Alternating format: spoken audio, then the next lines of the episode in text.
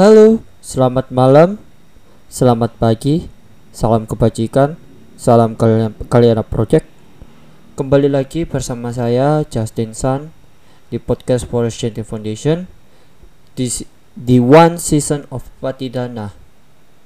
Di episode kali ini saya akan melanjutkan dengan tema atau judul Tirokuda Stories. Nah, Tirokuda Sutta kita ketahui adalah sutta tentang pelimpahan jasa.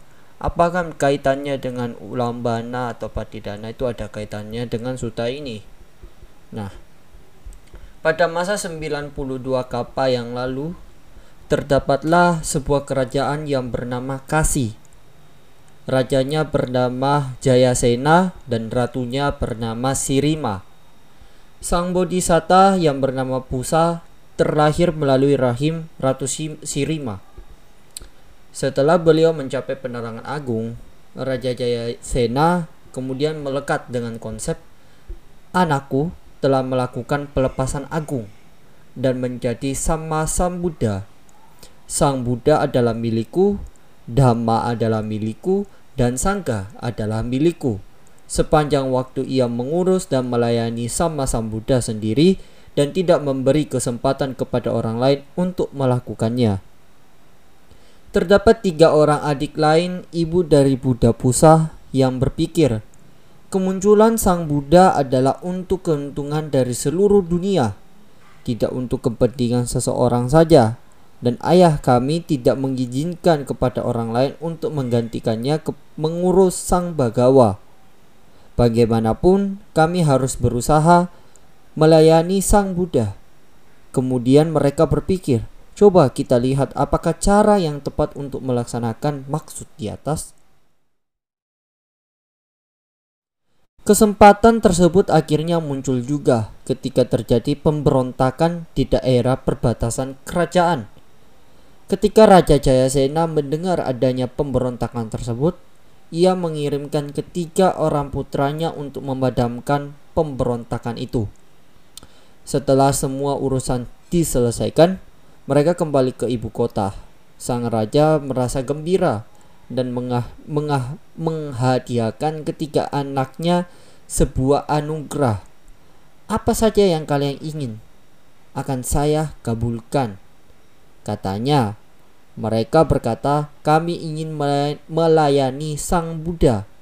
Raja menjawab, "Yang lain pasti kuizinkan, jangan yang satu ini." Mereka menjawab dengan tegas, "Kami tidak menginginkan yang lainnya." Raja menjawab, "Baik, tetapi dalam jangka waktu yang terbatas." Mereka meminta tujuh tahun, tetapi raja tidak mengizinkan. Kemudian mereka menawar berturut-turut 6 tahun, 5 tahun, 4 tahun dan seterusnya. Akhirnya sang raja mengabulkannya dengan berkata, "Kalian boleh melakukannya." Ketika mereka menerima anugerah tersebut, hati mereka sangat senang. Mereka mengunjungi Sang Buddha dan setelah memberi hormat mereka berkata, "Yang mulia, kami ingin melayani Sang Bagawa selama tiga bulan setelah mereka saling saling tukar-tukar pikiran, saling tawar menawar, akhirnya sang raja sepakat bahwa tiga bulan saja. Nah, mohon yang mulia menyetujuinya untuk masa wasa yang akan datang. Sang Buddha menyetujuinya dengan berdiam diri. Selanjutnya mereka menulis surat kepada seseorang yang menjadi wakil mereka di desa. Yang isinya, kami akan melayani Sang Buddha selama masa wasa atau kurang lebih tiga bulan.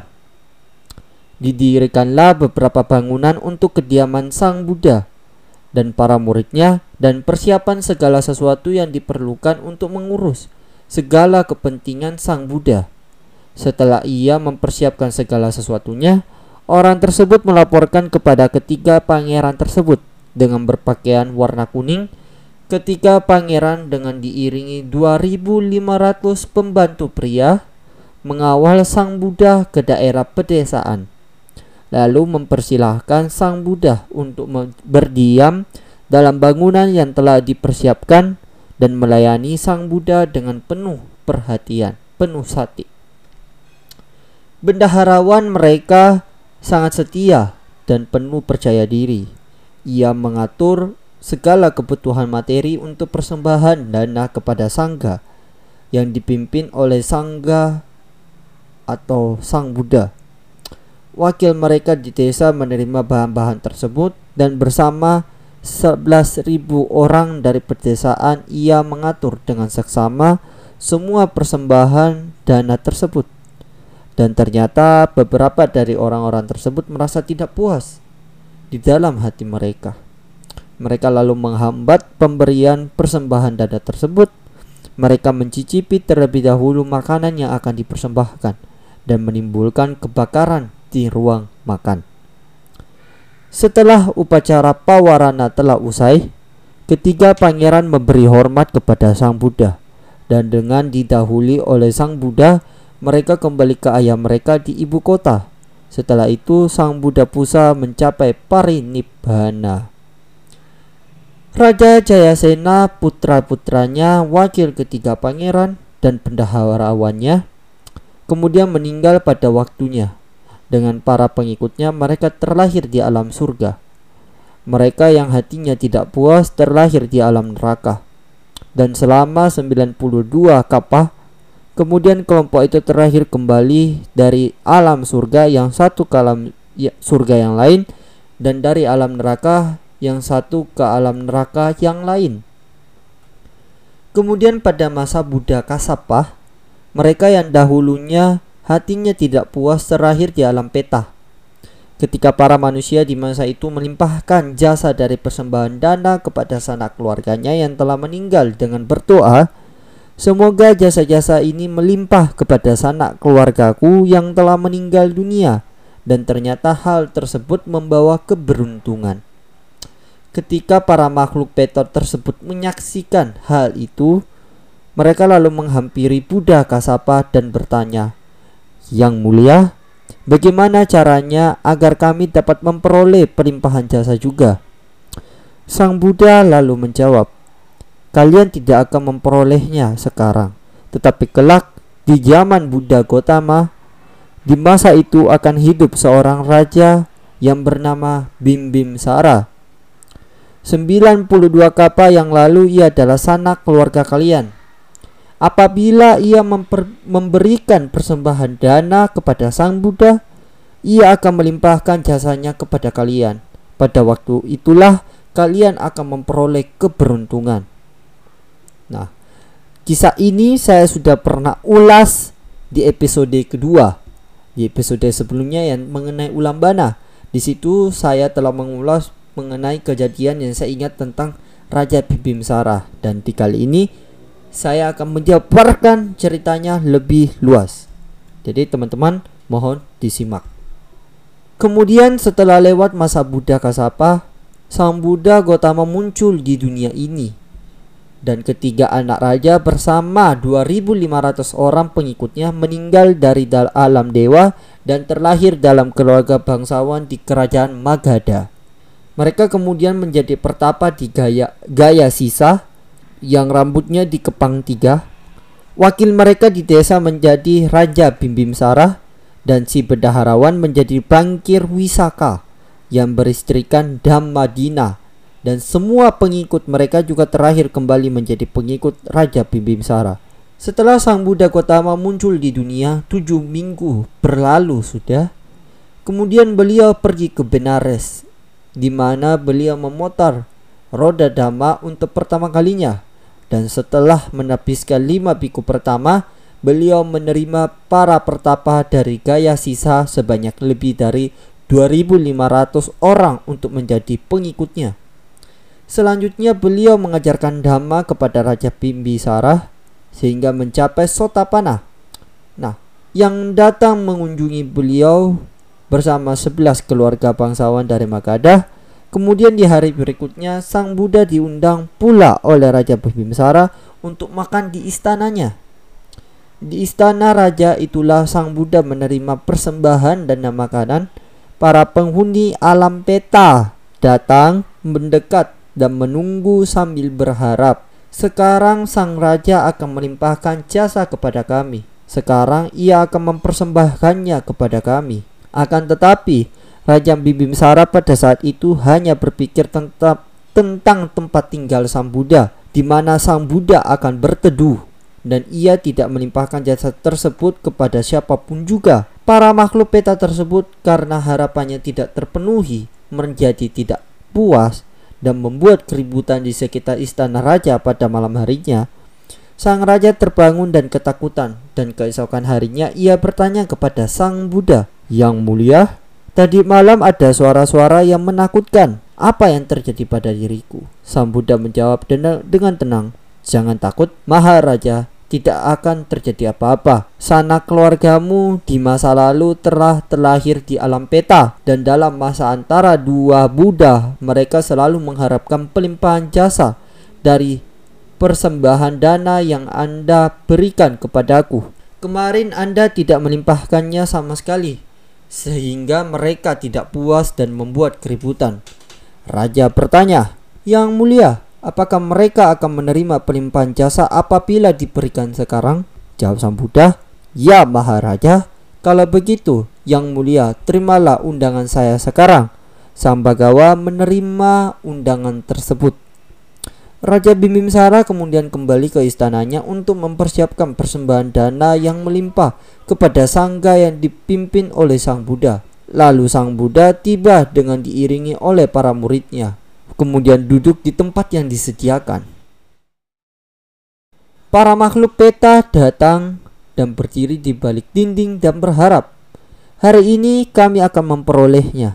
Sang Buddha membuat mereka terlihat oleh Raja Bibimsara. Ketika memberikan air persembahan, Raja berdoa, Semoga jasa ini melimpah kepada sanak keluargaku yang telah meninggal dan segera terciptalah kolam yang penuh dengan bunga teratai untuk mereka. Mereka lalu mandi dan minum sampai penderitaan, keletihan, dan kehausan mereka menghilang. Kini tubuh mereka bersinar seperti emas. Ketika raja mempersembahkan bubur, makanan, dan penganan yang juga dilimpahkan kepada mereka, pada saat yang sama terciptalah bubur, makanan, dan penganan dari surga untuk mereka. Dan setelah mereka menyantap makanan tersebut, tubuh mereka kembali pulih dan sehat. Kemudian ketika raja melimpahkan jasa ke pemberian pakaian dan tempat tinggal, terciptalah pakaian yang indah, sandal dan istana yang lengkap dengan permadani dan perabot dari surga untuk mereka. Peristiwa itu terlihat oleh semua yang hadir dan sang raja merasa sangat puas. Akhirnya para makhluk Peter tersebut menghilang atau meninggal di alam peta dan terlahir ke Ambali ke alam yang lebih bahagia. Setelah itu, ketika sang muda selesai menyantap hidangan yang disediakan dan menunjukkan bahwa beliau sudah cukup kenyang, beliau mengucapkan suta yang disebut Tiro Kuda Suta berikutnya sebagai berkahnya kepada Raja Magadha. Berikut cuplikan suta. Di balik dinding-dinding mereka berdiri dan menunggu. Juga di perempatan dan di pertigaan jalan. Mereka kembali ke rumah-rumah yang pernah mereka huni. Mereka menunggu di pinggir-pinggir kusen-kusen pintu, namun ketika diadakan pesta besar dengan sajian makanan dan minuman yang beraneka macam, ternyata tak seorang pun yang mengingat makhluk-makhluk itu. Akibat dari perbuatan mereka di masa lampau, demikianlah mereka yang hatinya penuh welas asih, melimpahkan kepada sanak keluarga yang telah meninggal persembahan, makanan, dan minuman dengan tulus yang terbaik dan sesuai dengan saat ini. Semoga jasa-jasa ini melimpah kepada sanak keluarga yang telah meninggal. Semoga para sanak keluarga berbahagia. Para sanak keluarga menjadi makhluk peta yang hadir dan berkumpul di sana dan dengan bersemangat akan memberikan berkah mereka untuk persembahan makanan dan minuman berlimpah yang mereka terima. Semoga sana keluargaku panjang usia, sebab merekalah kami menerima persembahan ini. Untuk persembahan yang telah kami terima, si pemberi akan menerima buah dari perbuatan mereka. Karena di alam peta tidak ada pertanian, perkebunan, juga tidak ada pertenakan, perdagangan, juga tidak ada pertukaran emas. maka sanak keluarga yang menjadi makhluk beta hidup atas limpahan jasa dari ini dari yang mereka perbuat seperti air yang terjun dari atas bukit mengalir ke bawah menuju lembah ngarai demikianlah persembahan yang diberikan di sini dapat berguna nah maksud saya akan ulas sedikit terlebih dahulu. Maksud dari karena di alam peta tidak ada pertanian perkebunan juga tidak ada peternakan, tidak ada perdagangan. Nah, ini saya garis bawahi besar-besar. Pandangan sekarang manusia atau saya mungkin langsung sebut saja sebagai manusia zaman old. Zaman sebelum generasi Z itu ada generasi milenial, mungkin baby boomers, yang mempercayai tahayul-tahayul itu mempercayai bahwa ketika kita membakar-bakar kertas sembahyang itu akan diterima di alam sana. Saya garis bawahi, mereka akan menerima di alam sana. Mereka akan membeli, membeli, membeli di sana. Itu pernah saya alami sendiri dan pernah saya diceritakan sendiri oleh keluarga saya. Dan saya garis bawahi saat ini, oke, okay? saat ini ketika kita sudah mendengarkan Tirakuda Sutta ini, Tirakuda Stories ini, apa yang kalian pikirkan? Yang kalian pikirkan pasti sama dengan generasi-generasi sebelumnya. Akan ada terjadi pertukaran-pertukaran mata uang, pertukaran-pertukaran barang di bawah. Tapi itu tidak ada. Dan yang paling saya khawatirkan saat ini mungkin teman-teman banyak yang masih bingung ketika kita terakhir di alam neraka siapa yang akan menghukumkan menghukum kita mungkin ini saya juga akan jelaskan karena ini sudah tidak akan lama lagi yang menghukum kita di bawah itu bukan si babi si kuda. Banyak kan? Yang gitu-gitu di ya pandangan-pandangan umat-umat agama Buddha itu kan banyak itu katanya ada si, hit, uh, si hitam si putih apa lagi ya? Babi kepala babi kepala kuda. Lupa kepala-kepala apa gitu pokoknya di mereka yang akan hukum kita. Sebenarnya itu salah besar. Yang akan hukum kita adalah karma kita perbuatan kita. Itu yang akan menghukum kita. Itu yang akan kita wariskan ke bawah. Bukan si hitam si putih yang akan menggal-menggal kita. Bukan mereka yang akan membunuh-bunuh kita berulang-ulang kali di neraka mengalami kelahiran ulang di bawah. Bukan dia, melainkan karma kita. Apa yang telah kita perbuat sekarang ini, kita akan mewariskan karma itu terhadap diri kita sendiri maupun di keluarga kita. Itu yang akan terwariskan. Bukan si hitam, bukan si putih, bukan si kepala babi, kepala kuda. Itu salah. Saya garis bawahi sekali lagi, saya tegaskan. Itu salah, salah besar yang akan kita wariskan, yang akan menghukum kita di bawah adalah karma kita perbuatan kita saat ini. Dan saya tegaskan sekali lagi, tidak ada pertukaran perdagangan di bawah maupun di atas. Yang akan kita wariskan adalah karma kita. Kalau kita banyak berbuat baik, yang akan kita peroleh adalah baik. Kalau kita berbuat jahat, maka yang akan kita peroleh adalah kejahatan juga. Oke, sekian pada saat ini. Mungkin teman-teman banyak mendengarkan tadi story-stories dan pelafalan saya kurang ya kurang enak karena banyak kesalahan mohon maaf karena kondisi saya saat ini pada saat merekam saat uh, sangat kurang fit lagi gak enak badan tapi saya berusaha sebaik mungkin untuk membuat tetap membuat podcast karena saya mencintai kalian semua kalian agama Buddha kalian umat Buddha sangat luar biasa oke okay?